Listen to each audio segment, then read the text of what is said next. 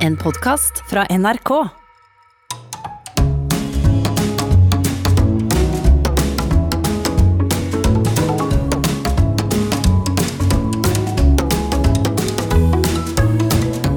Hjertelig velkommen til Sånn er du her på NRK P2, hvor Nils Brenna Hei.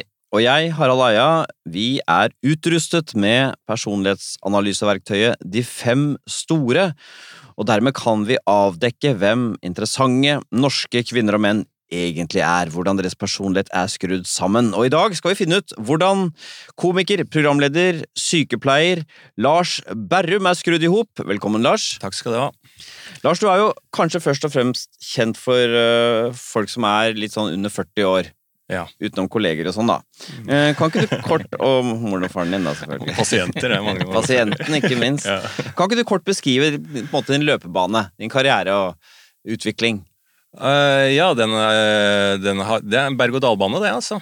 Jeg har surra rundt og gjort det jeg syns har vært gøy. Eh, så har jeg vært i radio P3, og så har jeg vært i, med Martin Beyer-Olsen, og så har jeg gjort mye standup, da. Og så er jeg eh, nå en, har jeg en podkast med Martin Beyer-Olsen som heter og Beyer snakker om greier. Og nå er jeg egentlig mest sjukepleier, da. Hvor mange prosent sykepleier er du? Eh, akkurat, ja, nå, er det, nå I sommer så har det vært 50, og så har det vært 100 før det, og så går vi tilbake til eh, noe annen prosentstilling. da. Og du har jobba med koronapasienter? Ja, jeg jeg meldte meg til tjeneste på når de eh, trengte så sårt, når vi så, når vi så dette skipet komme inn. ja. Dette afterski-skipet. Da var det bare å sæla på. Og da trengte jo alle folk. Og så tenkte jeg sånn, for jeg jobba i psykiatrien tidligere. Jeg har aldri jobba i somatikken.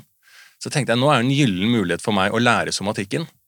Eh, Så jeg, jeg har egentlig hatt en læringskurve som har vært eh, ganske sinnssyk, for da blir man bare kasta ut i et sånn koronaavdeling. Og da var det bare å finne tutorials på YouTube, og hvordan var det man egentlig kateteriserte Er det sant? igjen. Ja, ja. Ja, det var- ja, jeg var der, ja. Mm. Altså, jeg spurte deg om å gjøre, på en måte redegjøre for uh, løpebanen og karrieren din, så var det fordi folk skulle få et slags inntrykk av din uh, persona. Ja. Uh, fordi sånn som jeg opplevde deg, og som jeg også opplever deg når du forteller, er at du er en sånn øh, Du har en sånn tilstedeværelse og varme, men også en slags sånn øh, skjødesløshet. Du er ikke godt forberedt når du går inn der. En slags blanding av kynisme og omsorg for andre. Du er iblant naiv, iblant øh, finurlig, hard, myk. Mange av de vi har snakket med, Nils, sier jo dette her om Lars, at han er veldig sånn vanskelig å, forstå helt. Mm. Så du gir et litt sånn forvirrende inntrykk, Lars. Du er Ja. mye. Jeg er mye, ja. Og så er jeg to meter høy også i tillegg, så det hjelper jo ikke. Er du to blank, eller? Nei, jeg er over det. det, er det. Men jeg har slutta faktisk å måle meg, det er helt sant. Hva, hva Eh, tror du er 201-202? Ja, kan, ja, kanskje mer, altså. Eh, men kan jeg, kan jeg legge inn en ting eh, For jeg har gjort en selv, Dere har jo liksom da spurt folk i forkant. Jeg har også gjort en selvrefleksjon før jeg kom hit. Ja, få høre. Eh, og jeg kunne ikke altså, Og det er ikke noe disrespect, men jeg kunne ikke gitt mer faen i hva jeg er.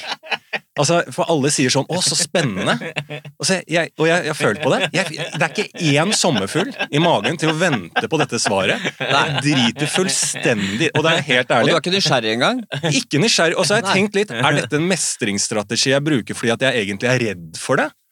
Jeg vet ikke, men jeg greier ikke Jeg, jeg, jeg, jeg er ikke interessert i Jeg er jo det jeg er uansett, så det, det forandrer liksom ikke noe, kanskje.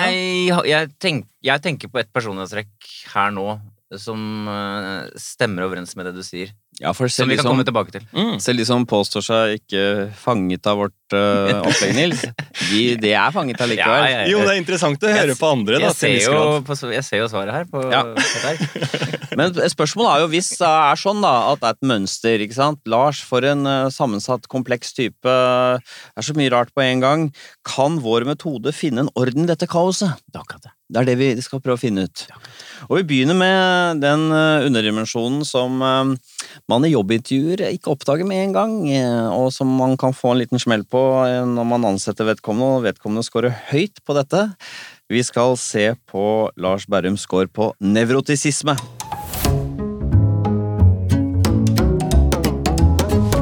Nevrotisisme, det er negative følelser. Hvor mye de negative følelsene preger deg. Henger de lenge i? Hvor sterke er de? Sånne ting. Negative følelser har vi alle, men noen har jo mer enn andre. Og vi begynner med underdimensjonen selvbevissthet, angst i sosiale situasjoner. Lars, hvor usikker eller selvsikker er du i møte med andre mennesker? Jeg vil si at jeg er ganske selvsikker, jeg. Og det var dette jeg tenkte på i stad, da du sa at du ikke brydde deg, at du ikke var noe bekymra eller noen ting. Ja. Eh, fordi at når du har svært lav score her, som du har, så er du jo overhodet ikke plaget av hva skal vi si, andre menneskers blikk, eller det å være i nærheten av andre mennesker. Nei. Så du har veldig lav score, Ja. lav på selvbevissthet, du er ikke noe plaget av det. Hva er scoren? 32. Altså ca. 2 laveste. Du gir jo Ja. blaffen i dette her, men eh, Ja. Du har, det kan også bety, eller det betyr sannsynligvis da, med den lave at du har ikke noe særlig skamfølelse heller. Nei, jeg har ikke Nei. Jeg har så litt sånn eh, hobbyfilosofi at uh, hvis man skal liksom én til ti, hvordan har du det? Hvis man stiller det spørsmålet spørsmål til folk når de har det ikke Å, jeg er liksom nede på tre nå, og, og det er en Det er eh, det blir, Jeg vet ikke hva det blir, men jeg tenker alltid sånn at jeg jeg opererer ikke med skalaen, altså med tallene én til fem. Jeg starter på fem til ti. Nettopp. Fordi fra én til fem tar livet veldig seriøst. altså Ja. Tar seg selv seriøst, og det hopper jeg over. Nettopp. Men jeg kan ha det kjedelig, og da er jeg på fem. Men det, sånn nedi én og liksom surre med at uh, så alvorlig tar det på en måte ikke livet. Og Nei. Dette er jo din fadesak, Nils. Dette er min fanesak. Kanskje du er blitt så gammel at du har vært sammen har vært i forhold for eksempel, med personer som har det forhold til livet, at de lander, bruker skalaen 1 til 5 for eksempel. Da. Ja, ja, ja. Opp, oppsummert, da, for å sitere vår psykolog Rolf Marvin Lindgren, som har sagt at for nevrotikere så er livet veldig alvorlig. ja. Ting er veldig, veldig alvorlig. Ja, og det er en usjarmerende egenskap. Det- Men så får de, de med nevrotinisme altså De får så mye sympati, og så er det egentlig bare sånn der kvalm egenskap. Sånn der at jeg har så mye å si, så jeg Og så blir de dulla med hele tida. Ja, for og du tenker er- at det er en form for selvopptatthet, selvsentrerthet og ønske om å få oppmerksomhet. Det er sånn du leser disse folka som kjenner hele tiden på uff. Ja, ja, Det er det verste jeg veit. Altså, sånn som jeg vokste opp, så har jeg vært sånn på jeg-faen. og jeg kan stå, jeg har, jeg har lyst til å ha det gøy på fest. Eh, bli sett på som en sånn fyr som oi, han er mye, og han er sånn eh, damefyr og flørter, og han er sånn. Mens de som sitter i hjørnet på sofaen og er så synd på seg selv, og vi er så introverte, og stakkars de, der er kåtemonstrene. Ikke sant? Det er de Ja. som er, ligger med og, og slue Ja, ja, ja. Så du har sett det selv? De slipper for lett unna. Men nei, du har sett det selv? Ja. Det er ikke bare en teori du har der? Nei, nei, nei. Selvbevissthet handler jo også om en underlegenhetsfølelse. Her, ifølge vår resultatet på den testen, da, så kjenner du lite på sånn underlegenhet. Ja, ja det, det gjør jeg nok ikke, nei. Det aldri, men du må jo i møte folk iblant som kanskje er flinkere enn deg, og som eh, kanskje til og med syns at du er en tullebukk og sånne ting, men da syns ikke det, det plager deg ingenting. Nei, plager meg ingenting. Og så, ja, det er akkurat det. og så, så er jeg nok litt gæren der òg, tror jeg. Det har jeg i hvert fall hørt fra venner at eh, jeg, jeg kan nok gå inn og så tenke at eh, ja, men så gi meg litt tid på det, da. Så skal jeg nok greie å bli bedre enn den personen. Ja, nettopp, Ja. Ja, så dette er jo en, et eh, lite plaget menneske i sosiale sammenhenger. Hvordan er Lars ellers? Er han en plaget mann, Nils? Han har fått ganske lav score på nevrotisisme. Tallet er 42. Det er sånn mellom 15 og 20% laveste. Eh, vi kan gå gjennom enkeltscorene. Du, du er på snitt på engstelse, så der er du en vanlig mann. Ja. Bekymrer deg og har uro i kroppen som et vanlig menneske. Det samme gjelder depresjons- eller tungsinn. Følelsen av tungsinn er også helt vanlig. Så du er ikke noe veldig lett til sinns heller, egentlig. Du- Du har liksom litt sånn blåhet, kan du ha. Ja, bl ja blåhet er, eh, det er den indre pulsen. Mm. Ja, det er det. Ja, det, jeg, altså, og jeg elsker det, da. Å føle på at eh, eh, jeg er litt alene. Og det Eh, kan du føle på da. Ja, ja og det, det er egentlig Jeg er jo enebarn nå. Ja. Så det er jo egentlig Jeg har jo eh, vært mye aleine og Ja. måtte greie meg sjæl. Så den ligger som en sånn eh, grunnstemme. Altså det er, det er trist musikk som appellerer. Ja, det er det. Ja. Ja. Eller noe sånn eh, low-key techno. Altså sånn helt sånn nedpå, mørkt. Men du vil ikke kalle det å være lei seg eller nedstemt? Eh, nei, for jeg har jo det bra med den, da. Så Men det er blue. Det, ja, Ja. det er det. Og så er du da ganske lav på fiendtlighet, som er sånn ja, aggressivitet og sånn. Og det er kanskje noen som tenk, har tenkt at det er noe sånn du kan være så mye energi og sånn, man kan ha, forveksle det med kanskje fiendtlighet eller aggressivitet, men det har du ikke noe særlig av. Du er ikke en sinna mann. Nei. Men hvordan er det for deg? Du har jo en bransje hvor eh, du går på scenen, ikke sant? presenterer et eller annet på TV på radio, og da er jo på en måte privilegiet til publikum er jo for å si hva de mener om det. Hvordan slår det inn hvis du ser noe på sosiale medier, et eller annet negativt? Ja, Jeg, jeg, jeg ingen påvirkning, altså. Ingen, altså jeg ikke. Men det er litt igjen at jeg Jeg, altså, det, jeg syns det er så fascinerende. Det, jeg omgis med stand -komiker, mye standup-komikere og, og sånn som Igjen, da, det med å ta seg Altså, de går ut i sitt yrke og tror de har en funksjon, altså en viktig funksjon, som er spinnvilt for meg. Men det er veldig veldig mange som tar det så de tror, altså, de tror de har så stor Og så mener at rollen sin er viktig for samfunnet. Det, Men det er jo viktig for publikum der og da, så jeg har betalt penger for å bli underholdt, så det er jo sånn sett eh, av respekt for publikum, tenker jeg. Jo, jo, men det kan jo altså, Hvis det er en klubbkveld, så er det jo mange komikere. liksom? Fire-fem komikere. Og hvis du gjør det dårlig da, så er det bare de andre eh, opplever at den kvelden var enda bedre for de. Ja. Og så gikk det til helvete med deg. Hvis du har et soloshow, så kommer jo folk for å se på deg. Og da kan de bli skuffa over ditt show, men da kommer de jo for å se deg. Ja. Så jeg skjønner Jeg, jeg har liksom sånn også, øh, ja. Men eh, en ting jeg har lurt på, det gikk rykter i NRK, for det opprinnelig så var jo du og Martin Beyer-Olsen et radarpar, og dere lagde noe eh, ganske sånn eh, eksperimentelle avantgarde humorting på NRK3, og så på et eller annet tidspunkt så gikk ryktene om at nei, nå har NRK bestemt at Lars Berrum og Martin Beyer-Olsen, de skal ikke være en duo, vi splitter uh, dette molekylet, og så setter vi uh, Martin sammen med Christian Mikkelsen. Ikke nevn navnet hans. Dette ryktet gikk, og, og da, da diskuterte vi sånn, hvordan var det på en måte for deg, og var det, er det riktig sånn som jeg beskrev det her, at de høye herrer og fruer i NRK bestemte det, og så ble du da eh, liksom dyttet ut, ikke i mørket, for du og Martin jobber jo sammen med andre ting, men, men uh, si litt mer om hvordan du opplevde det, hvis det er sant det jeg beskriver da. Ja, det er sant, det. Men ok, men fra uh, Nei, det jo, uh, gjorde meg egentlig ingenting, det heller. Uh, Så du blir fordi- ikke rasende da, eller sint eller lei deg, eller? Nei, fordi jeg ser på akkurat hvert fall sånn TV-ting som at det Ja, for da var jeg jo litt heldig. Martin er en del eldre enn meg, så han var jo ute Altså kasta ut av NRK da jeg starta NRK. Og så ville jeg veldig gjerne jobbe med han, for han tok meg med inn. Så, lov, så kom han inn igjen, og så lagde vi Norske fordommer. Og da fikk han lov å være i Underholdningsavdelingen, for da så de at han var veldig god til å spille veldig mange karakterer.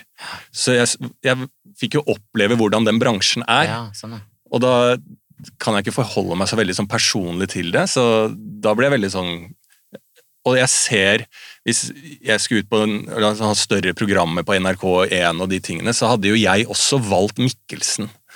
Satt sammen med Martin Beyer-Olsen istedenfor meg. For jeg var jo ikke så god. Jeg har jo litt sånn Altså, TV var ikke sånn at det umiddelbart eh, var et, eh, fag jeg mestra. Eh, jeg var jo på den tida Jeg tror jeg ble kasta litt for tidlig inn i det. Altså, akkurat på den tida så sto jeg litt sånn på standup-scenen med bananer på hodet i en gullshorts og drev med noe som så ut som Eller folk kalte det performance, men det var bare fordi ikke folk forsto en bit av hva det var. Eh, og jeg gjorde det ikke sjæl heller, men jeg, jeg har alltid gjort standup ved følelser Ja. istedenfor den derre å tvike på en vits. Mm. Så det måtte jo ta litt tid før jeg greide å mestre. Ja. Så jeg var jo ikke så god heller, og det visste jeg jo da òg. Jeg snakka med Martin masse om det. bare sånn, jeg, ikke, jeg har ikke funnet ut av det her helt. Og poenget her, poenget her er jo at nettopp med den lave fiendtlighetsscoren så tar du dette her ganske greit. Det som du skisserer, som mange kunne bli forbanna for, Harald. Ja, fordi eh, det er jo alltid litt sånn ubehagelig at det sitter noen eh, grå herrer og fruer der oppe og bestemmer over deg. Ja. Eh, og nå er jeg plutselig med, nå er jeg ikke med. Og sånn. Man blir helt gal av det. Ja. Samtidig som man er en slags stjerne. Det er jo det som er det merkelige. Ja, men det, det var godt å få ryddet opp i hvor, hvordan du håndterte det. Eh, Så har du da lav score på sårbarhet for stress. Du er ikke noe lettstressa type. Nei. Ikke sant? Mm. Det er en sånn egenskap som man ser. Altså Man ser i hvert fall den som er stressa. Ja. Og så er du lav på impulsivitet. Det vil si at du er ganske god til å ikke putte i deg potetgull og stappe av for mye mat og sånn. Du har selvkontroll på fristelser. Ja, jeg vil si det, altså. Hvis folk syns det er litt vanskelig å forstå, så er det at det er så, såpass lite agg og vanskeligheter, men samtidig er det jo mye, eh, eh, sånn som folk beskriver det, og vi skal se om dette slår inn på vår test. Eh, hvis man er mye, som det heter, så scorer man som regel høyt på ekstroversjon. Ekstroversjon det handler om eh, hvor mye glede og kick man får eh, av verden, men også hvor mye man gir tilbake, da. Og vi begynner med denne underdimensjonen som heter ekstrovert varme. Det handler om eh, hvor mye energi som investeres i å pleie nære relasjoner gjennom vennlighet og hensyn. Hva tenker du, Lars? Er du en sånn som eh, gjerne går inn og snakker varmt og nært og oppriktig med folk, eller er du en litt mer sånn avmålt type? Jeg, jeg, jeg, mener, jeg mener at jeg eh, investerer mye energi i venner og, folk rundt meg, og at jeg er en og har alltid vært en som folk ringer og betror seg til, også fordi at de vet at jeg er veldig lojal, tror jeg. Mm. Jeg avslører at du har fått en veldig høy score her. Jeg har det, ja. 65, Du har 5 høyeste omtrent på ekstraart varme. Du er jo en sånn person som har kall det en slik sånn inkluderingskraft. Ja, jeg Er er det border collie. Det er det jeg pleier å Ja. sammenligne meg Hva betyr det med. for den som Nei, sånn ikke sauehund, ikke sant? Ja. De løper og skal samle flokken Ja. hele tida. Sånn, altså, Jeg er- husker jeg bada med en border collie som en kompis hadde, og det, før vi sto av det, så var alle samla i en sånn eh, gruppe midt i vannet. Ikke sant? For den eh, hunden skal jo bare Selv i vannet driver han med det? Ja, altså. ja. Sauene kan komme seg til vannet, de òg. så, men så, så det er, sånn er du. Men hvordan er du da, hvis du overfører det? På hvilken måte er du konkret en sånn Jo, jeg, jeg, jeg, eh, hvis vi hadde sittet her nå, og Harald hadde liksom sona litt ut hvis vi hadde tatt en øl, da, Ja. så er jeg det er liksom Ja, men Harald, liksom Hvordan er det eh, med deg? Eh, Ja, eh, ja du, og sånn er du henter inn, ja. ja, Ja, henter inn til det slitsomme. Altså, oh, sier det? Ja, folk sier bare sånn 'du har gjort så mye gærent' og tar av deg klær og er sånn showman på byen og sånn da jeg var yngre. Mm. Men det mener jeg er de introvertes skyld. Ja, Fordi fordi, bare- de er så kjedelige? Ja, og, og trekker seg ut av det sosiale. Så sitter jeg der med min diagnose, ekstrovert border collie, som da må jobbe inn folk. Og, Men er du god Du har, la oss si da, at du hadde en venn så hvis forholdet ble slutt. Ja. Da ville du kunne gått inn sånn Hvordan går det med deg nå? Du kan gå inn i den, Ja. i den moduset der. ja, og jeg, eh, eh, og jeg er den personen for veldig mange, og bruker mye tid for det. Du har mange en- gode venner. Ja, Ja. Veldig mange, og veldig mange som jeg sånn eh, som, eh, ja, som jeg har fra back in the day, som ringer. Nå Ja. har man en litt sånn psykisk eh, eh, kjip periode. Og da setter jeg liksom en time om dagen til å ringe Å, den personen. såpass, ja. Og jeg tenker på den når jeg legger meg, så jeg er veldig sånn eh, Jeg tenker eh, Altså sånn som Martin Beyer-Olsen, som er en eh, god venn av meg. Bestevenn. Ja, det vil si, så, og vi har nesten vært sammen hver dag siden vi ble kjent. Ja. Altså, jeg, jeg, jeg tror jeg, altså, Han har ikke tenkt mye på meg i forhold til hvor mye jeg har tenkt på han. Altså, det er ikke, jeg tror ikke eh, han har ligget på senga og liksom Ja, faen, Lars sa det går egentlig bra med han. Nei, det er vel det å ta vare på vennskap, da. Som Mm. uh, for eksempel jeg, hvis jeg ferdig med å studere, da ser jo ikke jeg de studiekameratene mine noe mer. Og samme slutta på videregående, slutta på ungdomsskolen, ikke sant. Ja. Eh, Et eller annet TV-prosjekt, så er det Men du, du, du samler dem videre, og du holder kontakten. Ja, Ja, jeg, jeg gjør det. ja. Du og Martin Beyer-Olsen er jo veldig nære, gode venner, ikke sant? Jeg, jeg snakket med kjæresten til Martin, Amanda Erlandsen. Hun uh, har jo fortalt at du noen ganger eh, er opptatt av at Martin Siden du og han er så, har det så gøy og har det så fint sammen, han må ikke forsvinne inn i det derre par- og familielivet. Det Det er en, eh, en fare. Er det en sånn side ved det å være så nær at du på en måte ikke vil At du vil måte, er liksom blitt eiegod også, eller? Ja, det tror jeg, altså. Ja, det tror jeg. Ja, Artig. jeg tror ikke at jeg eh, Ikke unner han at han skal ha et parforhold og Nei. det, men jeg tror det er mer på den at eh, jeg gjør Liksom, jeg er der hele tida når, når du har i krise, så når du har det bra, så er det bare Da må jeg ha det bra. Eh, så da blir jeg da kan da? jeg bli sånn, sår, sånn såra. Så den, jeg, den har jeg også jobba litt med. Så det, syns ikke Amanda Erlandsen er så ute og sykle på den påstanden. Altså. Og jeg har veldig lyst til å si at hun er det. Hvis jeg skjønner hva jeg mener. Ja, ja, ja, har ikke, jeg har ikke lyst til å gi noe hun, et poeng. Hun er jo ikke her til å forsvare seg engang. Her Nei, kunne nei. vi kjørt på. Ikke sant? Ja, Men, Men, ja, men eh, du, du gir henne litt for det. Det er litt sant. ja, Det er, ja. ikke, det, det, det er ikke sånn at det invaderer deg, liksom, men det er litt sant. ja, jeg skjønner veldig godt at hun kan ha følt Ja. på det. Så eh, tydelig ekstrovert på denne ekstroverte varmen, da, ikke sant? Men eh, ekstroversjon Her snakker vi om eh, positive følelser, vi snakker om eh, selvmarkering, spenningssøking. Nils, hvordan ligger Lars Anne? Når det gjelder eh, sosialitet, som handler om hvor ja, si, sterke sosiale behov du har, så er du på gjennomsnitt. Mm. Og så er du på gjennomsnitt på positiv følelse, der du er mye, like mye begeistring som et annet vanlig menneske. Og så er du på snitt på aktivitet, vil si travelhet og livstempo og sånn. Det som er høye scorer, er da varme, som jeg snakka om, og så er vi da, kanskje ikke så overraskende, så er du meget høy på selvmarkering. Sosial dominans. Ja. Man merker at du er der. Ja. Det er ikke sånn så stille Lars var i dag, det sies ikke, kanskje ikke så ofte. Nei, og det er også et problem. Fordi Som jeg har eh, blitt veldig eh, forbanna på for folk. Fordi at eh, hvis jeg da skal tone meg ned, da, Ja. og være at jeg kan liksom sitte rundt et bord eller i et møte og ikke si så mye, eh, så er det noe gærent. Da er det noe gærent, plutselig. Ja, da er det noe gærent plutselig. Men er, hvordan er det for deg å sitte sånn stille i sånne møter og sånn? Det er helt greit, det. men Det kan hende at det sprekker. Ja. Eh, For du, har, du kjenner på trangen. Ja, veldig. Ja, ja, veldig. Og ja, det, det plukker jeg eh, opp som en dårlig egenskap hos meg, faktisk. Ja, du gjør det. Ja, Syns du ikke det er litt gøy òg?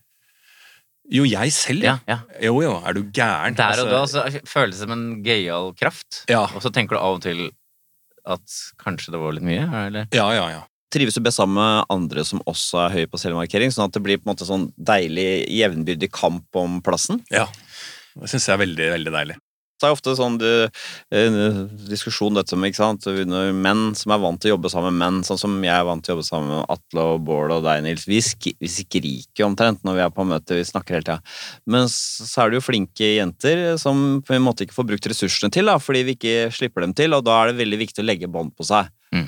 Ikke si noe hele forbanna tida. Har du måttet jobbe med det, og legge bånd på deg, eksempel i møte, arbeidsmøte hvor det er kvinn, mer beskjedne kvinner til stede? Uh, ja, absolutt. Men det er uh, altså, egentlig sånn, uh, sånn som eh, Det er uavhengig av kjønn, for det sitter jo mange sånne introverte, tynne gutter der Ja, men de hater det jo, fordi de er så sleipe Ja, så, så det er egentlig Men ja, jeg, jeg legger bånd på meg, men det båndet blir jo litt sånn i samme eh, lynne. Altså, jeg skriker jo det òg, ikke sant? Så jeg skriker jo sånn Nå må dere bare huske at jeg er bare engasjert! Hva mener du? Hva Ja, mener ja. du? Få høre hva du har å si om dette! Ja, Du har ikke sagt noe! Altså, det er jo like truende, det. Ja, ja. Men da tenker jeg at jeg inkluderer. Ja, nettopp. Ja, så jeg kan gå etter møter, og, og da er jeg veldig sånn Jeg sender meldinger, ja. Ja, du gjør det. Og om jeg gjør Altså, jeg, jeg er veldig sånn, og det kan være på byen òg. Det, er ikke- det er ikke lenge siden nå jeg snakka med en som hadde bachelor i psykologi. Og jeg starta veldig feil da med å si det er jo den mest tulleste, tulle, uh, tullete bacheloren vi har i, i Norge. Ja. Eh, altså, altså hva, du, du kan bli helsesekretær altså, på tre år. Da må du, hvorfor tar du ikke sykepleieren? Eller, altså, det er så bortkast. Og da mente jeg at hvorfor de tillater Ja. Å ha en eh, bachelor i det, et fag altså ikke ikke embetsstudier, men bachelor. og ikke blir noe kritikk med noe. med, mot henne. Nei, og jeg surra meg inn i noe greie med engasjement der, og uh, Du kritiserte systemet, men uh, skjønte ikke at hun hadde liksom kasta bort flere år av livet sitt. og da, måtte jeg sende, ja, da sender jeg melding. Ja, Hva sier du da? Det er ikke så bortkasta. Hva svarer du? Nei, da sier jeg du, sorry. Her var det Her skjønner jeg at jeg bare ang Det jeg prøvde å si, var det, men jeg, det jeg gjorde, var dette. Så Hva sa hun da? eh, Og det var veldig hyggelig å få melding eh, at du sier det. Eh, jeg følte litt på det. Ja, og så er det spenningssøking eh, der også. Lars Høysgaard. høy score. Det er ikke så vanlig, Nils. Nei, det er ikke så ofte vi har det, men det betyr at du er liksom dratt mot sånne spenningskick og sånn, da. Ja. Betyr det at du har vært borti Har du gjort noe liksom freshe ting? Ja, jeg, ja, jeg har gjort veldig mye dumme ting, ja. Typ. Eh, nei, altså eh, Sånn som sykepleien nå, da. Det er jo en grunn til at jeg da ikke går tilbake i psykiatrien som jeg har jobba med tidligere. Ja. At jeg søker somatikken noe helt nytt. Og i frontlinjen, da. Når det er Hvor det er spennende ting ja, som det er ikke tilfeldig. Eh. Ja. Og så har du jo dratt Du har jo Du er ganske uredd. øh, ikke sant? Du er uredd, og så er du da spenningssøkende på toppen. Så jeg tenker du har vært sånn i Hatt show i Edinburgh, på Komifestivalen, der på engelsk, og virkelig liksom lagt hodet ditt på plattingen. Ja, og det, ja, ja, igjen da, så, så har jo ikke det noe å si for meg. Altså, jeg syns ikke det er så skummelt. Nei, ikke sant? Men jeg, jeg må Men eh, jeg dras mot eh, sånne på en måte utfordringer, da. Og jeg Risiko. syns- Ja, risiko. Ja, Altså det gjør at, eh, og, jeg, jeg, og jeg føler ikke at det er noe risiko i det. Nei. Jeg føler ikke at Og du kjenner ikke på kick heller, altså. Det spennende. Jo, det gjør jeg i Ja. utfordringen. Eh, og at det er nytt og uvant. Nettopp. Det søker jeg veldig ofte. Jeg, jeg søker ting som jeg ikke eh, ikke kan. Jeg er veldig glad i ting jeg ikke kan. Lars Berrum, ekstrovert type. Tydelig eh, ekstrovert. Eh, tallet er 61. Så det er jo dette, det at det er vanskelig å få has på han og forstå Lars. Vi har allerede fått noen hint. Det er jo det der at det er mye av han og mye til stede, samtidig som han er så uplaga. Mm. Uh, så er, men det trekket som vanligvis uh, gjør at folk oppfattes som komplekse, det skal vi komme inn på nå. Vi skal se på Lars Berrums score på åpenhet for erfaringer. Åpenhet for erfaringer det handler om nysgjerrighet, handler om fantasi, og det handler om åpenhet for å oppleve nye ting. Eh, og vi begynner rett og slett med fantasi, vi. Kreativitet og forestillingsevne. Skårer man lavt her, så tenker man jo veldig konkret, ikke sant? Eh, Man er ikke noe glad i å dagdrømme eller fantasileker. Skårer man høyt, så eh, har man et rikt indre liv som dette. Man tenker mye rart. Eh, hvordan tenker du her? Er du en, er du en fantasifull type, Lars? Ja, det, det må jeg være. Det Det er du. Ja, Superhøy score, 72, og innenfor 1 høyeste. Ja. Fortell, da. Hvor lang og rik kan en sånn fantasi være? Og den kan være kjempelang. Altså, jeg har, det er helt fra jeg var liten. Jeg kan bare bli satt med et, eh, noe sånn eh, nå nå høres det ut som jeg vokste opp på 20-tallet, men noen no, no pinner. Og så er det bare Så greier han seg sjæl. Ja. Eh, og um, bruker og har brukt hele livet si i hvert fall kanskje to timer på å sovne, sånn i snitt. Oh, ja. Og ikke sånn ja, jeg har slitt litt med å sove, og, Ja. jo, men ikke, ikke den standard-Lars eh, innsoving. Det er bare kos. Mm. Og jeg må selv stoppe min fantasi om at jeg er fotballproff, eh, om at jeg er eh, eh, Kanskje jeg er en eh, legendarisk fysioterapeut, som jeg hadde en eh, ganske lang greie på her i natt. Hva er det den legendariske fysioterapeuten gjør? Er ualminnelig god til å kurere smerter og Ja, da, stivhet? ja, fordi jeg hadde bare lest noe sånn om at noe sånn alternativ medisin, hva som var innenfor det, om fysioterapi egentlig var ja, bla, bla, bla. Og så den kvelden så tenkte jeg liksom som Lars som åpna en fysioterapiklinikk, og Ja. den ble bedre og bedre, kom internasjonale gjester, jeg ble der, og så var det en der jeg redda faktisk en som hadde en, eh, en, eh, alvorlig sykdom ut ifra eh, jeg oppdaga det. Som ingen andre hadde klart å Absolutt. kurere? Og da, det går to timer, det, altså. Er det sant? Ja, det- På den altså fysioterapi Ja, det er jo, ja, det er jo Alt det som er- ja. Og så blir du mye rundt der, da. Jo, jo. Ja, for fordi det er suksess. Du, er, det, er det liksom kvinner og penger, og er det mye sånn fester? Er det, eller er det også, Nei, går det dårlig med deg, du, Ja, det kan gå dårlig, ja. og så går det bra igjen? da? ja mm. Men eh, akkurat når jeg har kontroll på de selv, så eh, pleier det å gå ganske bra. Men det som er interessant her, er men når, når fantasien begynner, så er det, det er fysioterapeuten, ikke sant? Og den Mm. er med på slutten også. Ja, ja. Ja, ja, så det er liksom en Det er en to timer lang fantasi. Ja. Det Og det er ikke sånn at det kommer noen fra en annen planet som du kurerer også. Det er, vi Ja, er det kan jord- gå dit også. Ja da, det ja. kan det. Ja, men eh, det som eh, er at jeg må stoppe den, da. Ja. For jeg kan fortsette. Hvorfor jeg- må du stoppe den? Fordi jeg må jo sove. Ja. Ja, fordi at jeg skal noe dagen etter. Men jeg kan egentlig Jeg kan eh, ligge veldig, veldig lenge og, og kose meg veldig med det, da. Kan det bety, betyr det at du, hvis du hadde vært på dagtid, da, hadde, hadde hatt tre timer eh, og ikke hadde noe bok, ingenting, så kunne du ha sittet og fantasert? Ja. Og det, Det er en gave, da. ja, det kan jeg gjøre veldig, veldig ofte. Og det er derfor jeg egentlig Jeg er veldig glad i å gå tur. Ja. Eh, og da går jeg ofte Jeg kan gå øh, nesten over en mil hver dag hvis jeg har tid til det. Ja. Eh, og da hører jeg på, som eh, kanskje jeg nevnte det tidligere, med sånn low-key tech. Som er egentlig bare en sånn pulserende musikk Ja. som man glemmer etter hvert, men som bare er en sinnsro. Og så er det fullstendig fantasi. Det er det. Og jeg koser meg, og jeg smiler, og jeg går i et halv, halvhøyt tempo, og jeg har det så jævlig bra, og jeg blir aldri lei. Og, altså, kan, og da kan jeg bare gå og gå. Jeg går i byen. Jeg, altså, det er ikke noe det er ikke noe opple... Altså, jeg jeg koser meg så mye. Det er høydepunkt. Så det er ikke mindfulness for deg? Det er liksom ikke bare ingenting, det er at det er et kok, og det er mennesker Sen- og ja. ting, og det er røre. Scenarioer, ja. Kunne du sånn sett, Har du tenkt på at du kunne ha sittet i fengsel? Ja, Jeg har faktisk tenkt at det, det tror jeg jeg hadde eh, greid. Det ville ikke vært straff for deg, rett og slett.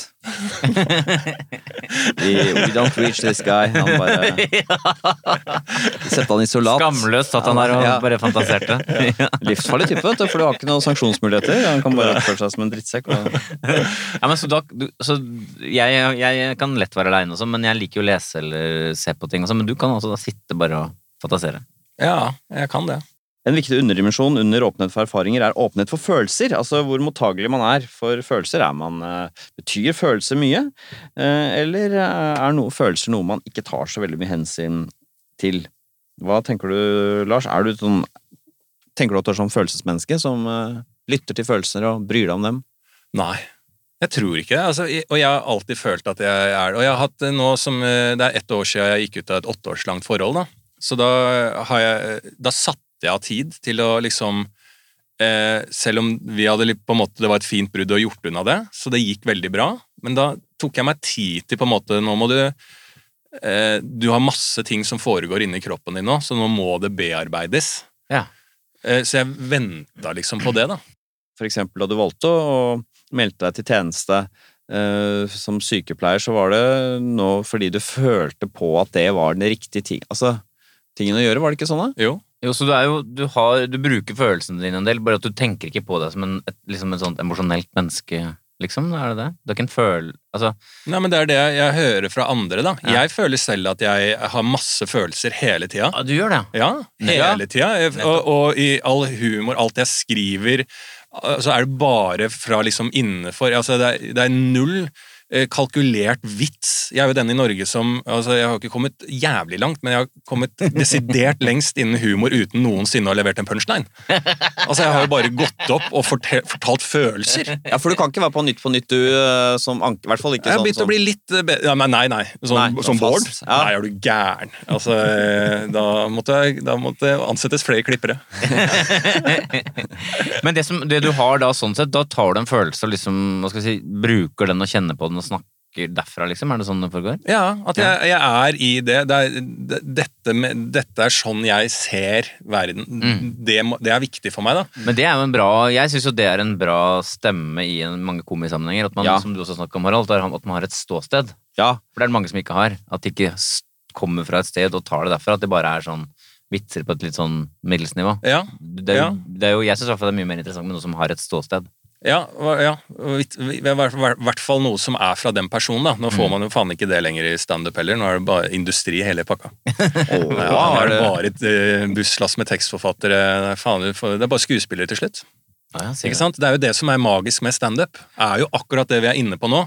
At eh, Om det er en følelsesdrevet komiker, eller da, Ja. som ikke du var så fan av, da, men som skriver vitser. Men det er jo fortsatt eh, de vitsene det hodet har klekket ut. Det er jo det som er magien med standup, og gjør den sjangeren spennende. Ja. Det blir jo borte. Men er det i ferd med å endre seg, er det det du sier? ja, ja, ja. Ja, ja, nå hvis det er show, ikke sant, så, eh, ikke sant? Du, du starter på det nivået, og så kommer det opp til Nå kommer det et stort show. Da kommer en industriapparatet kommer industri, apparatet, liksom. apparatet Ja, inn. Ja. Eh, og til slutt så kan det jo bare være en skuespiller som leverer de tekstene. Altså, Hvis jeg skal gå på et show, så er jeg jo keen på å se Harald Eia sitt hode Ja. klekket ut noe til meg. Ja. Og om jeg blir skuffa for det, eller eh, at det er noe som går til helvete eller er for drøyt, så er det bare å, så gøy, fordi det, det har han tenkt. Kommer herfra, ja. Ja. Er eh, Lars Berrum et følelsesmenneske ifølge vår test, eh, Nils? Ifølge vår tekst, holdt jeg på å si, ifølge vår test, så er han det. Tallet er 61, så ikke superhøyt, men ganske høyt. Så det betyr jo at du har Du er jo da bruker av følelser, så å si. ja det, hør på det, det er venner som hører på. Ja. Ja. I sum så har jo Lars en veldig høy score på åpenhet, Nils. Ja, du er et meget åpent menneske, ifølge den testen. Eh, tallet er 65, altså ca. 5% høyeste. Du er på snitt på ideer som er teoretisk nysgjerrighet, ikke lav, ikke høy. Du er ganske høy på handlinger, som betyr at du er ganske glad, ganske glad i variasjon. Og så er du ganske høy på verdier, som egentlig bare betyr at du er en ganske tolerant og liberal type. Og så er du høy på følelser. Du er høy på estetikk, som rommer kunst og kultur i forskjellige varianter. Ja, ja, ja, jeg er i hvert fall nysgjerrig på det. Ja, ja, ja. Og så er du veldig høy på fantasi, som jeg har snakket om. Mm. Et åpent menneske. Ikke en grunn fyr, sånn sett. Nei, og denne høye scoren, eh, den passer jo med denne beskrivelsen av Lars som en eh, sånn mye, da. Sånn Mhm. kompleks type. Ja. sammen med de andre tingene vi har snakket om. Men så blir jo da spørsmålet er han et godt menneske oppi det hele. Eh, det er jo ikke helt riktig å formulere det sånn, men eh, det er vel en sammenheng mellom score høyt på faktoren medmenneskelighet og godhet. Vi skal se hvordan Lars ligger an her.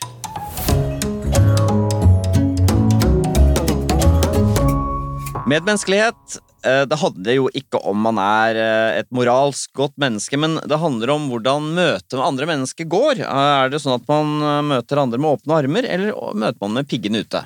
Eh, Det kan jo være folk som er eh, med piggene ute og mye friksjon, men som er fryktelig moralsk gode. ja, det er. Det lar seg fint tenke.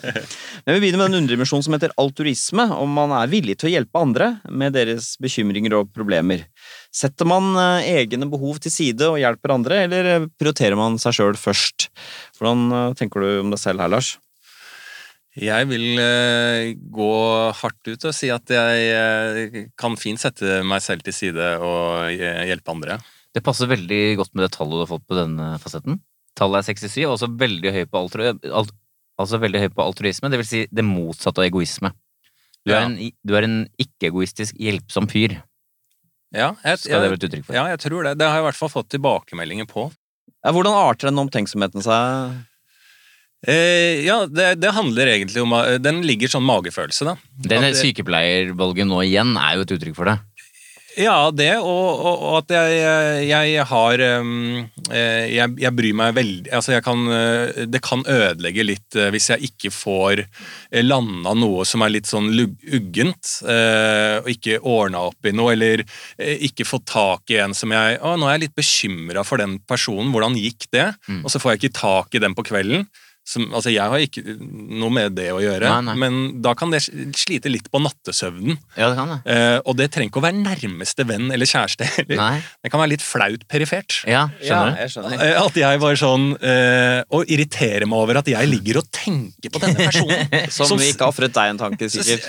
Dritings på byen, sikkert. Har, liksom, Ja, har ikke ja. tenkt på det Har glemt at den personen har snakka med meg om det. Altså, Ja. Den personen er jo bare videre i livet. Men så Sender melding til vedkommende, så kommer det i andre innboksen i Facebook. Ja, ja, venner, ja, ja, så det, Men eh, fordi du, det, dette du beskriver, handler jo også om empati. Der er det også veldig høy score. Bare så du har både medfølelsen og du har hjelpsomheten, altså den praktiske utgaven av den. Så du er både medfølende og en som hjelper til, da, egentlig. Som Ja. offer deg selv. Og er, det klassiske er sånn Du kan godt hjelpe folk med å flytte, for eksempel. ja, det kan jeg gjøre, ja. Det- Men ak akkurat, akkurat det, så er den sitter lenger inne, altså. ja, ok. Fordi jeg er veldig sånn lite handy og flytte Altså flytting er det Men jeg gjør det. Men Ja. det er tungt. Ja. Mm. Men er men er- refleksen for deg er å hjelpe til, egentlig, og bidra hvis det er noe. ja, veldig. Uh, gir du til tiggere? Ja, det kan jeg fint gjøre. Ja. Mm. Men ikke sånn, ikke alltid. Jeg Nei, nei. kan gå forbi en tigger. Føyelighet, eh, det er et eh, medmenneskelig trekk. Fordi er man, føyer man seg, så sant, oppstår en eh, konflikt, og det gjør det jo ofte, så trekker man seg unna, gidder ikke å krangle mer. Skårer man eh, lavt på føyelighet derimot, da mm, liker man å argumentere, eh, gir gjerne uttrykk for sin irritasjon. Eh, Hvordan tenker du, Er du en føyelig type, eller? Jeg eh, tar gjerne en konflikt, altså. Det er riktig. Du har Ja. fått et eh, svært tydelig tall i ikke-følgelig retning. 36, altså ca. 5% laveste. Ja. Men fortell, da. Hva, hvordan er det det foregår? Ja, altså jeg, jeg, jeg, jeg greier ikke å ikke, Altså, jeg greier ikke å ha noe altså, jeg, I hvert fall ikke usagt. Nei, ok. Altså, jeg må, jeg, jeg må si ifra, og hvis det er noe jeg føler på, så må det kommuniseres. Ja. Hvis noen sier noe du, du syns er dustete eller uh, dumt, Ja. så må Ja, det ja så, og hvis det er eh, en diskusjon, uh, så trenger jeg ikke på noen omstendigheter å gi meg. Det, det kan jeg gjøre av uh, eh, hensyn.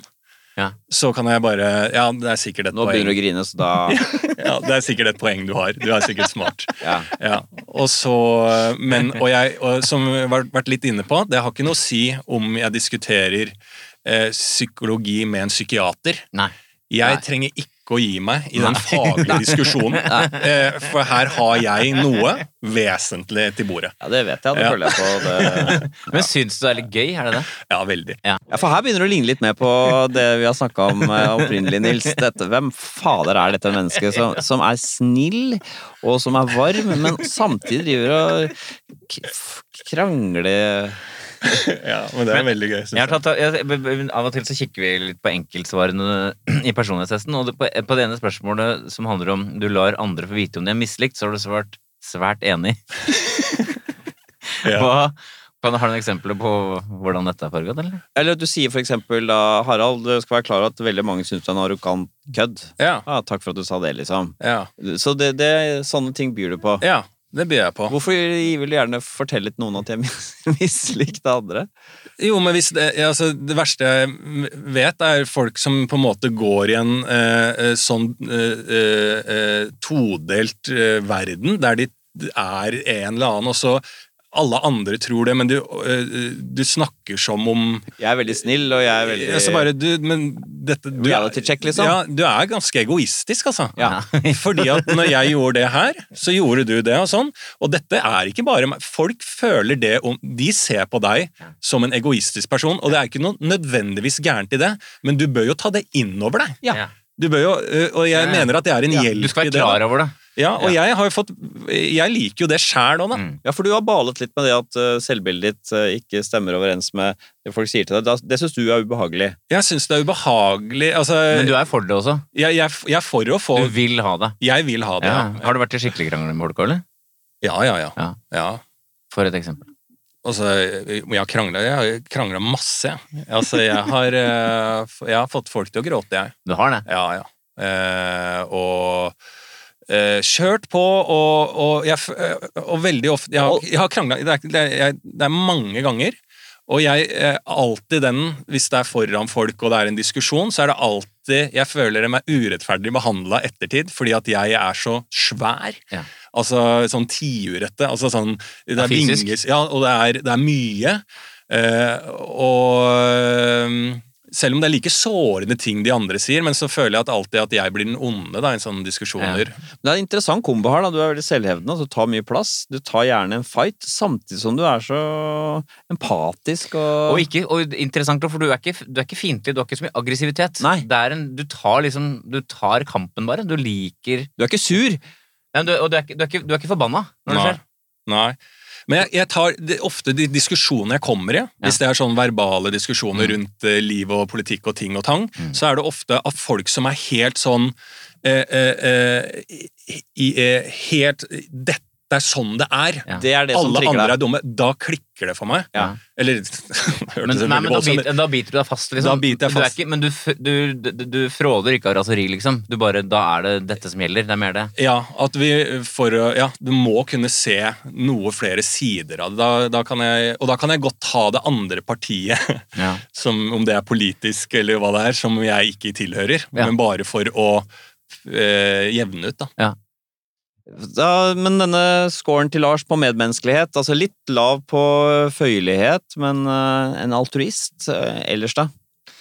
Eh, ellers eh, så er han på snitt på tillit, det vil si gjennomsnittlig tillitsfull. Han er gjennomsnittlig beskjeden, altså touch av høy beskjedenhet. Det vil si at du er ikke sånn selvgod oppi alt. Nei, selvgod? Ja. Nei, jeg, Nei. Føler, jeg føler ikke Men det er litt sånn at de ikke tar det så eh, seriøst, da, på en måte. Mm. Jeg kan Mm. ikke ta inn over meg at de tingene jeg gjør som er altså Det er så Ja. inn i helvete fantastisk Ja, ja. for folk, eller noe som helst. Det jeg er bare en brikke. Jeg surrer bare rundt her. Ja. Og så er du da høy på altruisme og følsomhet som dekker empati. Så i sum eh, så er du da touch og høy. Tallet er 56 på faktoren medmenneskelighet. Men det er den der tydelige kranglegreia di som trekker nedover. Trekker ned, ja. Gir en grei fyr som gir friksjon. ja. Det blir spennende å se hva Lars Berrum score på planmessighet blir.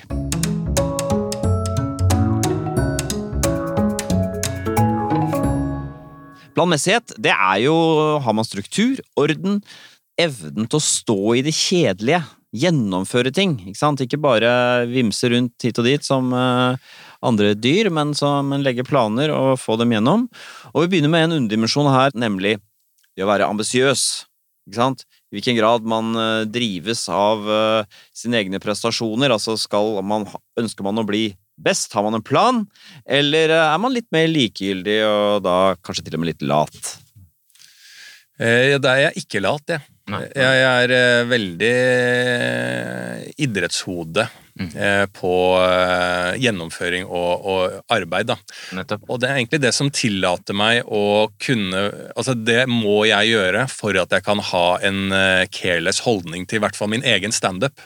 Jeg må vite at jeg har lagt inn alt det som skal til, Nettopp. Eh, og så kan resultatet være det. Og det er litt sånn som sitter igjen fra da jeg var på landslaget i karate. At eh, før det mesterskapet, hva som skjer i mesterskapet, det kan være dommertabbe, det kan være mm. du får deg en strekk, eller du kan eh, være i dårlig Altså, alt kan skje på matta. Men i forkant så kan du styre alt. Nettopp. Eh, så den eh, Så godt forberedt, da. Ja. ja. Så, så godt som jeg eh, må ha det for å kunne eh, gi totalt faen i hva publikum mener om det showet. Ja, jeg skjønner. Det er en pussig blanding, for han får en høy score her, Nils. Veldig høy score. Tallet er 67, så veldig tydelig høy score, rett og slett. Du sa, nevnte karate. Silje, du har vært på landslaget i karate? Ja, på, ja, var på landslaget en stund. Vi drev med fotball på litt sånn høyt nivå. Stabæk juniorlag og, eh, og sånn. Og så drev jeg parallelt med karate, så ble det med på det. Så Hvor god var du i karate? Eh, jeg har mange norgesmestertitler, også fire nordisk mesterskap. Bra, da. Syvende i VM, tror jeg jeg har også. Hæ? Hva sa du? Også, syvende i VM. Er det sant? Og så har jeg en, det sølv i Golden League-stevnet som har sånn Er det ja, sant? mm. Så jeg var jo i toppen på et, et tidspunkt. Blir du ikke imponert, Harald? Jo, veldig imponert. Så jeg, både du og jeg er jo, har jo hatt ambisjoner om å bli idrettsmenn. Ja, og lavt nivå, liksom. Ja. Men, men fotball, hvor god var du i fotball, da? Jeg eh, hospiterte bitte litt med A-laget noen ganger, og så trente med mm, og spilte for Stabæk 2, da. Litt. Så jeg var, jeg var ganske god en eh, periode. Hva spilte du på banen? Eh, alt fra stoppe, midtbane og spiss, da. Spiss. Jeg røk hamstringen på et litt sånn uheldig tidspunkt. Men du, altså, midt, altså en høy midtbanespiller, det er uvanlig. Ja, jeg var, det var det jeg var da jeg var yngre, da. Og så For Sander Berge er jo over 1,90 og regnes som veldig høy, og du er jo over Ja. to meter. Ja. Men det skal sies at eh, både på karaten og fotball så eh, hadde jeg ikke eh, Jeg hadde den idrettsmentaliteten, for jeg var en del av det. Ja. Men eh, det var også grunnen til at jeg ikke nådde helt opp. Hvorfor da? Hvordan At jeg var ikke eh, eh, Den lekenheten og useriøsiteten Ja, ja. eh, var for stor. Ja, for det i- parallelt. Ja, når det, når det møter andre idrettsfolk. Mm. Men når jeg begynte med humor som på en måte fant min virkelige lidenskap, så er den eh, idrettsdelen veldig mye større Ja, enn de andre, fordi der det er nesten ingen som kommer fra idrett inn i kultur og impro og, og den type ting. Jeg husker jo jeg starta med impro, og altså, da fikk jeg jo hele gjengen til å gråte i en pause. Oh. For jeg hadde sånn, det gikk så dårlig, og jeg kom rett fra idretten at nå må vi faen skjerpe oss. Ja. Altså, Sa du i pausen, Ja? Stig, Ja. hva er det du driver med? Det er helt jævlig. altså Folk ble jo, fikk jo tårer. Ja, det er ikke det som er spiriten i det miljøet der. Nei, skal, ja, kjempebra. ja, dette. ja, og jeg skjønte jo ingenting. Det var en sånn aha-opplevelse som jeg aldri kommer til å glemme i livet. Der jeg bare å, jeg, altså, For da hadde jeg ikke nok livserfaring til å skjønne disse mekanismene. Og sikkert litt dum, da. Når man er så ambisiøs som du er, er det sånn at du har en sånn tydelig retning? Ser du fremover hva du skal oppnå? Er det, sånn, er det nesten et sånt eh, løp du ser fremover? Ja. Eh, men jeg eh, posisjonerer Altså, jeg har min standup, mi, min, mine show, da. Det har en veldig sånn pragmatisk hvor jeg vil hen. Og hva, jeg, at jeg nå skal være der, og, og når jeg er 35, så skal jeg på en måte ha satt min stil, som skal Ja, dyrkes sånn. enda mer og knas til jeg blir 40. Altså, Ja, ok. det er på en måte der jeg setter inn min eh, idrettskarriere. Og alt på sida, om det er podkast, radio eller et klubbsett, der, jeg, der flyter jeg mer. Ja. Der er det helt uh, kaos.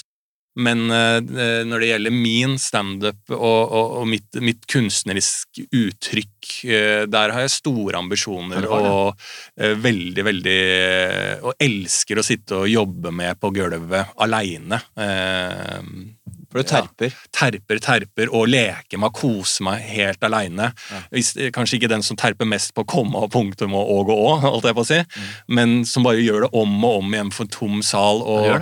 Ja, ja, ja. Og, og, og, og, og da kan jeg stå i, i, fra klokka ni om Da er jeg der ni om morgenen, og så kan jeg gå hjem liksom langt utpå kvelden. Er det sant? Mm. Jøss, det er jo voldsomt, da. Ja, det er imponerende. Men er det sånn, da For du, for du har ikke manus, er det sånn? Eh, nei, som regel det, Når jeg lagde mitt første det, det soloshowet, så skrev jeg først eh, 60 sider, bare for å ha en grunnstamme. Det gjorde jeg. Og så eh, øver jeg det Ja. Øver det inn eh, verb, liksom bare fritt. Ok, Så har, du har en manus som du bare kan etter hvert? Så du bare går ja, men det blir ikke det manuset. Nei. Så det, Men er det sånn at det utvikler seg eh, Siden det er såpass lite manusbundet, så utvikler det seg også? Ja. ja. Da si da du var 28 eller noe sånt, hadde du da en tanke om at når jeg er så og så gammel, 33, 34, 35, så skal det være sånn, ja. og så 40 sånn. Mm. Hvordan vil du beskrive det du liksom så for deg da, at du skulle være rundt 35 og rundt 40, for eksempel? Jeg ville at jeg skulle komme til et punkt der jeg eh, på en måte fortsatt kan eh, liksom få de der følelsene ut, som jeg sleit en del med, da, og var veldig bevisst på eh, hvordan jeg fikk fått det over til publikum. Mm. Men jeg var alltid trygg på at det kom til å komme, og det var liksom sånn, det er første steget at jeg og det greide jeg på en måte med mitt første soloshow Tutti Fruttiland, som hadde jeg tenkt på lenge. Der greide jeg å få ut altså min form, da. Mm. Starten på min form. Som jeg ser også masse, masse feil og alt sånn, men Mm. det, det var riktig. Det, det, det var det, et delmål. Mm. Og så på neste show så skal jeg tweake det enda litt til, men øh, Og på liksom tredje, da skal på en måte da, da begynner jeg å ha et uttrykk som Ja. folk kan kjenne, Ja. som folk vet, og jeg greier å få folk med på det jeg syns er gøy, eh, som er litt eh, ukonvensjonelt i forhold til den set up punch-stilen. Ja. Så jeg vet også, er bevisst på at det er litt lengre vei for å greie det, og helt bevisst på når jeg tryna, når det var dårlig på TV, når jeg ikke fikk til de tingene at Ja. det, jeg, jeg skal greie det, men jeg skjønner godt at dette her ikke er bra. og Jeg har egentlig ikke noe fors... Jeg hadde ikke den derre ah, jeg driter i publikum eh, Nei, for det er ikke det, sånn, eller? Nei, det føltes veldig alle, alle tror at jeg har den mentaliteten, Mm. men eh, det, det stemmer egentlig ikke. Jeg blir jævlig forbanna når, på meg sjæl, når Mm. det går eh, dårlig sånn på de tingene på scenen og Ja, sånn. for det, du, når du går opp på scenen, så virker det som en som Og det er veldig befriende å se på. En som ikke har en bekymring hele livet, men bare er veldig opptatt av noe han skal få sagt. Ja. Um, og, da, og det er jo sånn åh, jeg skulle ønske jeg var sånn, ikke sant. Jeg bare går oppå der, og jeg har så mye på hjertet, men jeg blir selvbevisst med en gang, og det knoter seg til, og jeg blir stressa for å, hun ler ikke, og han ler ikke. Så sånn virker du, men i virkeligheten så er du veldig sånn Ja, du bryr deg hva, om folk får det med seg eller ikke. ja. Det er ikke sånn at du 'jeg gjorde det for meg'. Nei, men, eh, men jeg, jeg er veldig, på, veldig hard på at jeg vil greie den stilen. Ja, Ja. Og da skal folk Målet er da alle skal kjenne igjen en sånn tone, en stemning. Det er Lars Berrum. Typisk han. Ja, alle, og, du, du kommer og uh, alle ler og er helt med meg i den stilen. Jeg egentlig da har brukt jævlig lang tid på å få folk med, men det er det jo bare jeg som vet. Det er ingen som Nei. registrerer det. Folk Nei. har jo nok med sitt. Jeg har jo lyst til at min stil skal være at jeg kan gå på scenen og bare snakke helt fritt. Men så blir det jo på grunn av Det er jo ikke noe rettferdighet for at min, mitt prosjekt på scenen skal få den hyllest og berømmelse det for, liksom, eh, jeg mener at det fortjener Mm. ende, på endestasjonen.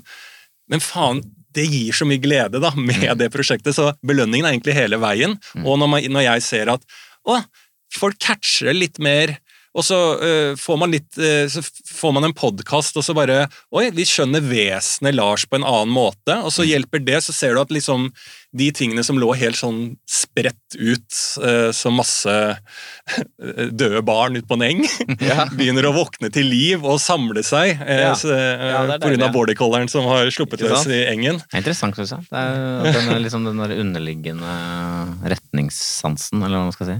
Ja, jeg vet, ja, men alt dette her kan jo være en um, det, det er i hvert fall en fin livsløgn, da.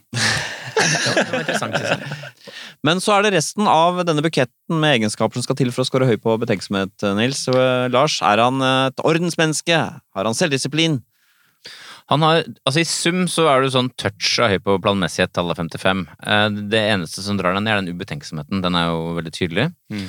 Men du er ganske høy på orden. Du er ganske strukturert, eh, rett og slett. Og så har du ganske høy pliktfølelse. Og så har du ganske høy selvdisiplin. Og så er du svært høy på det vi har snakka om nå, prestasjonsdreven, som rommer det ambisiøse og det målbevisste. Mm. Ja, da har vi gått gjennom alle fem eh, personlighetstrekkene og noen av deres underdimensjoner. Vi skal nå forsøke å finne ut har vår metode klart å fange dette kaoset, komplekse Lars Berrum. Lars, noen mennesker er veldig lett å lese. Du har sikkert ligget sånt, kanskje på en hytte og sett på sånn treverk oppi taket og sånn. Da ser du noen treverk er veldig det er, det er lite komplekst der. Andre treverk er mye kvist, og det er sånne striper fra sånne vokseår som har vært ulike, og, og gir rett og slett hodet mer å jobbe med. Og du er vel et sånt menneske, kan vi ikke si det, Nils? Jo, jeg syns det var mye indre motsetninger her. Så du er jo veldig fri, og så er du varm, åpen, snill og kranglete. Og så er du ukontrollert, men veldig systematisk. Så, Tenker du selv at du er kompleks, eller? Nei. Nei, for du tenker på deg selv som litt enkel, du. Ja. Ja. Jeg syns, ja, jeg syns jeg på en måte er fra en eh, eh, ja, litt sånn eh, eh, fattig arbeiderklassefamilie, en blokk. Mm. Og så er jeg en enkel eh, fyr der, men så har jeg blitt eldre, og så får man jo venner og skjønner sitt liv, så skjønner jeg at det kanskje er eh, litt vanskeligere, da. Ja. Men jeg blir litt overraska når folk sier det. Jeg husker For folk sier det. Jeg husker, jeg, jeg, eh, når jeg hadde bursdag nå i sommer, så var det Mats Borch Bugge som jobber i P3. Ja. som vi kjenner, Han skrev noe sånn eh, ditt eh, altså, udefinerbare men, altså, Gratulerer. En eller annen sånn Ja. type setning. Ja. Og den satt jeg, jeg, Det er en grunn til at jeg husker det. ja. For det er bare sånn ja, først- altså, den enkle gutten eh, Lars Berrum fra Blokka, han Man kommer ikke ikke frem, da. Men det er jo Det er mitt Ja, men- andre prosjekt. Ja, det. Ja, ja, men det er litt gøy, fordi du er jo, sant, du kan godt si det, men samtidig så er du jo en blanding av surrete og ambisiøs, og en blanding av veldig grei og veldig kranglete. Ja. Det er en litt artig kombinasjon. Ja. Men det som er interessant, Nils, er jo at eh, personlighetsprofilen til Lars matcher såkalt topplederprofil. Ja, det er et stykke på vei, ja. Absolutt. Oi. Fordi klassisk topplederprofil er unevrotisk. Sjekk på deg. Ekstrovert. Sjekk på deg. Eh, Du er litt mer åpen enn eh, gjennomsnittlig topplederprofil, men det er jo riktig retning. Og så har du toucha høy på medmenneskelighet, som er viktig for toppledere i Norge. Være, en, være ganske grei oppi alt. Du er litt kranglete, da, men bortsett fra det. Og så har du toucha høy på planmessighet. Så du har jo sånn sett en topplederprofil. Ja. Det er en velfungerende, hvis det er lov å si det, det er en velfungerende profil. Ja. Men du får lykke til videre. Det skal bli spennende å følge meg. Det skal bli spennende å følge Lars, med Ja. din ambisiøse, men samtidig surrete måte å jobbe på. ja. Takk for at du kom. Tusen takk for å være her.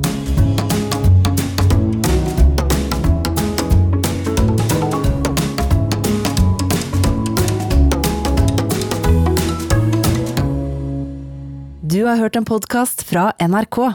Hør flere podkaster og din NRK-kanal i appen NRK Radio.